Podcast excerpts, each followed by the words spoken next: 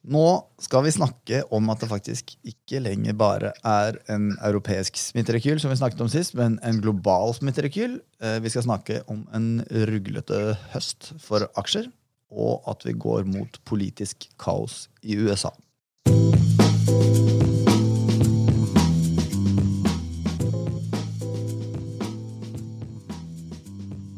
Er du med meg, Christian? Det er jeg.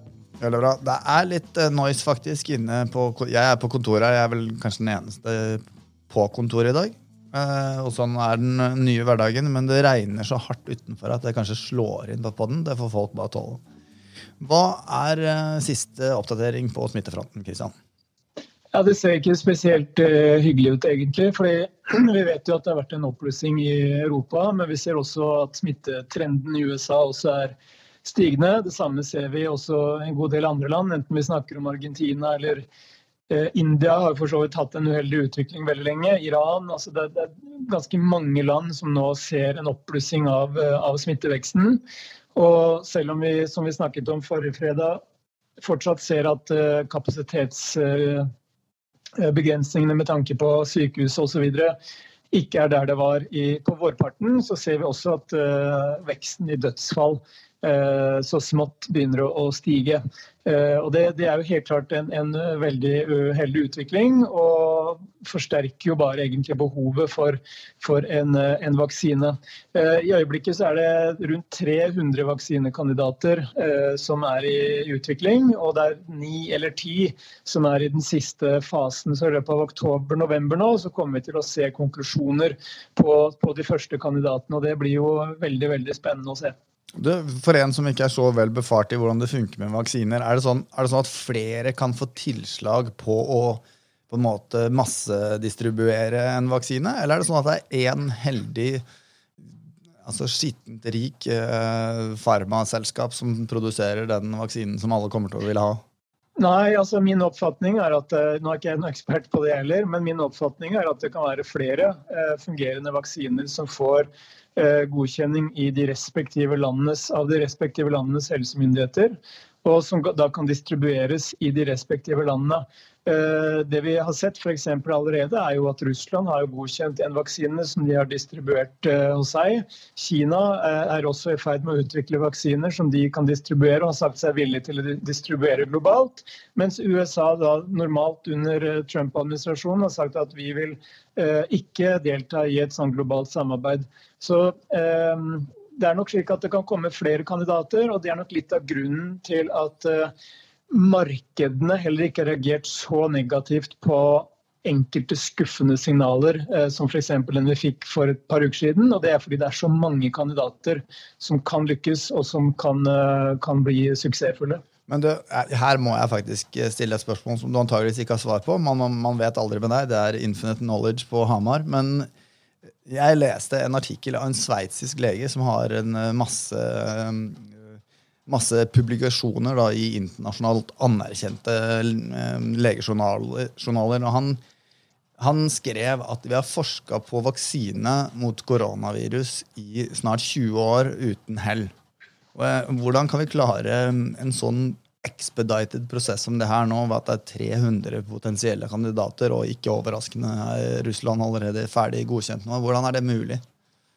Nei, det, det, det, er egentlig et veldig godt spørsmål. For det er jo den, den nåværende verdensrekorden i tidsbruk på utvikling av virusvaksine er fire år.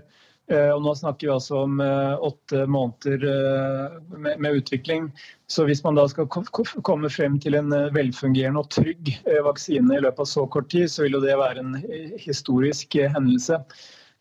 Men igjen, der ligger også usikkerheten knyttet til hvorvidt dette faktisk kommer til å bli trygt og velfungerende, og at den kan distribueres. Og der er det jo veldig delte meninger. Noen er veldig optimistiske og, og tror vi kan få en vaksine i løpet av veldig kort tid, mens andre er skeptiske og tror at dette kommer til å ta langt lengre tid. Ikke bare utviklingen av selve vaksinen, men også produksjonen og distribusjonen. Og et fjerde element, som også er et usikkerhetsmoment, det er jo hvor stor andel av verdens befolkning vil være villig til å ta en vaksine som er utviklet på rekordtid. Ja, og det har vi jo vært inne på før, at det er noen ganske stygge eksempler, bl.a. med H1V1-viruset fra Sverige. Som ikke var spesielt hyggelig for 400 barn, i hvert fall. Som Nettopp. tok den. Nei, det er, eh, det er, ganske skremmende. Jeg tenkte jeg bare skulle legge til litt, eh, litt, stats, for det er lenge siden vi har eh, sagt noe om det. Nå er det over 30 millioner smittetilfeller altså, som har vært smittet da, globalt. Vi nærmer oss 1 million dødsfall. Og mm, topp fem på antall smittede er USA med 7,1 millioner, India 5,7 millioner, Brasil 4,6 millioner, Russland 1,1 million og Colombia 784 000. Så det er ganske stygg lesning. Men er det noe mer vi trenger å nevne om det før vi går videre til aksjemarkedet? Kristian? Det er det ikke. Da går vi videre.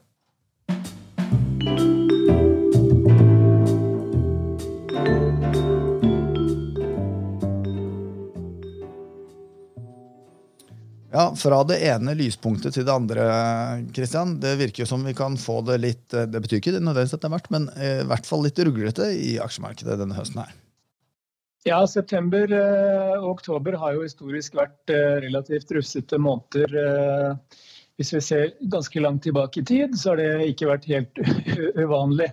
Og Det ser ut til å være slå til også nå. September har vist kursfall egentlig for alle sektorene i det globale aksjemarkedet. Energisektoren er den desidert svakeste, men teknologisektoren er faktisk den nest svakeste så langt i september. Og Det er egentlig tre ting som er med på å, å drive denne usikkerheten blant investorer i øyeblikket, og som også for så vidt kan påvirke utviklingen eh, videre. Eller jeg kan utvide det til fire ting, så skal jeg kort oppsummere. Det første er selvsagt viruseskaleringen, som eh, øker frykten for at det kan komme nye eh, omfattende tiltak fra politikerne, som dermed bremser den økonomiske aktiviteten ytterligere. Det andre er at vi går fra en periode med en ekstremt kraftig vekstrekyl i økonomien etter gjenåpningen, til en langt mer moderat uh, utvikling i økonomien, og hvor de økonomiske nøkkeltallene i langt mindre grad sannsynligvis vil overraske så positivt som de har gjort, relativt til analytikernes forventninger. Og Økonomien sliter også fortsatt med en del av servicesektoren som fortsatt er uh, i hardt vær, ikke minst reiselivsnæringen. Og vi ser at eh, bølgen av konkurser og oppsigelser den fortsetter i, i deler av, eh, av, økonomien og i, i, i, forskjellige bransjer. Det tredje er at eh, mens vi har vært vant til stadig nye eh, bølger av stimulanser, både pengepolitisk og finanspolitisk, siden eh, vårparten, så har vi nå møtt ikke, Jeg skal ikke si at vi har møtt veggen, fordi både pengepolitikken og finanspolitikken er fortsatt ekstremt stimulerende. Men marginalendringen er ikke lenger så hyggelig som det den var. Og Da tenker jeg først og fremst på det som har skjedd med den amerikanske sentralbanken. At de ikke signaliserte en økning i verdipapirkjøpene Eh, nå i, i, september, og heller ikke signaliserte at de er villige til å innføre noen begrensning på hvor høyt markedsrentene kan stige. Det er det ene. Og det andre er også selvsagt denne veldig anspente politiske situasjonen i USA, som eh, demper sannsynligheten for at vi kan få en ny finanspolitisk støttepakke, bl.a. til husholdninger og, og småbedrifter. Og Det fjerde det går på rett og slett politisk kaos i USA, som planen var å avslutte på den med i dag. Og det er jo ingen tvil om at eh, demokratene og republikanerne blir stadig mer antagonister på, på veldig mange måter. Og, og, måten eh, Trump eh, uttaler seg på med tanke på valget, og på direkte spørsmål om han vil være villig til å fredelig overføre makten til, en, til Biden f.eks. Dersom han taper valget, så har Trump til gode å si at ja, det kommer jeg selvsagt til å gjøre. Han sier at vi må se det an, og eh, legger veldig tydelig vekt på at han mener eh, det nåværende valgsystemet, spesielt da forsterket av at veldig mange vil sende inn sine stemmer, stemmesedler via posten eh, pga. pandemien, kommer til å føre til at valget blir ugyldig sett fra hans side. Men, men hvordan, hvordan, kan noen ta, ta imot det der, liksom? At en kar skal sitte og si at jeg er ikke helt sikker på om jeg kommer til å anerkjenne de resultatene som kommer ut av et demokratisk valg? Nei, altså USA er jo ferd til altså, Det lukter fascisme. Det lukter uh, liksom en autoritær styreform og nesten, nesten sånn bananrepublikk. Det, det, er faktisk helt utrolig at dette er det vi opplever i, i år 2020. Og med over 40% av den amerikanske befolkningen som fortsatt mener at Trump gjør en god jobb, så så er det Jeg skal ikke si at det er sjokkerende, men det er der vi er. Så at Trump også da ønsker å fremskynde utvelgelsen av en ny høyesterettsdommer, selvsagt da konservativ variant. Eh, det forklarer også litt av denne, denne, tvilen hans rundt valgresultatet. Fordi Hvis eh, valgresultatet ikke kan avgjøres politisk, så vil det avgjøres i Høyesterett. Og da vil jo et unnskyld, konservativt eh, flertall eh, kunne vippe eh, valget i hans favør. Så dette er helt, dette er helt sjukehus. Ja, det er det faktisk. Og nå med seks uker igjen eh, til valget, hva vil du si på en måte er de viktigste eh, sakene vi kan, eh, altså som kan påvirke markedet nå fremover mot, eh, mot valget fra, fra, altså fra, et politisk ståsted? Fra et politisk ståsted så er det jo egentlig hvorvidt vi får et, et ryddig valg eller ikke. Fordi Hvis det blir en konstitusjonell krise, så er det ingen tvil om at det vil påvirke stemningen både blant eh, bedrifter og husholdninger. Normalt så skal jo ikke presidentvalget liksom være det som har mest å si for, for finansmarkedene. Men det er klart at får man en situasjon som er helt ulikt noe, man har opplevd eh, i samme omfang tidligere, eh, så er det klart at det kan, kan sette i støkk i, i, i noen enhver. Når det gjelder den økonomiske politikken, da, enten det blir Biden eller Trump, så er det god grunn til å tro at begge vil føre en, en næringslivsvennlig politikk for å få økonomien i gang igjen etter pandemien. Men fire nye år med Trump risikerer også å forsterke eh, en del av de negative tingene han har drevet med i, sitt virke. Eh, eksempelvis dette med økt proteksjonisme, nasjonalisme, eh, nedbygging av det globale økonomiske og politiske samarbeidet, og ikke minst fire nye år med vitenskaps- og klimafornektelse. Ok, det høres, eh, det høres, veldig lystig ut. Vi kunne jo lagd en egen pod som var ordentlig lang om eh, valget, og det kan jo godt hende vi gjør også, Kristian, men det har vi ikke tid til i dag, for du skal inn og holde et foredrag om noen veldig få minutter, altså faktisk ja. ni minutter akkurat nå.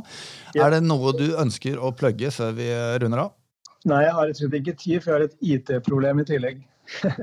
og for å si det sånn, Kristian løser ikke IT-problemer på ni, nå åtte minutter. Så Kristian, du kan egentlig bare ta og legge på, og så skal jeg plugge et par ting før under her.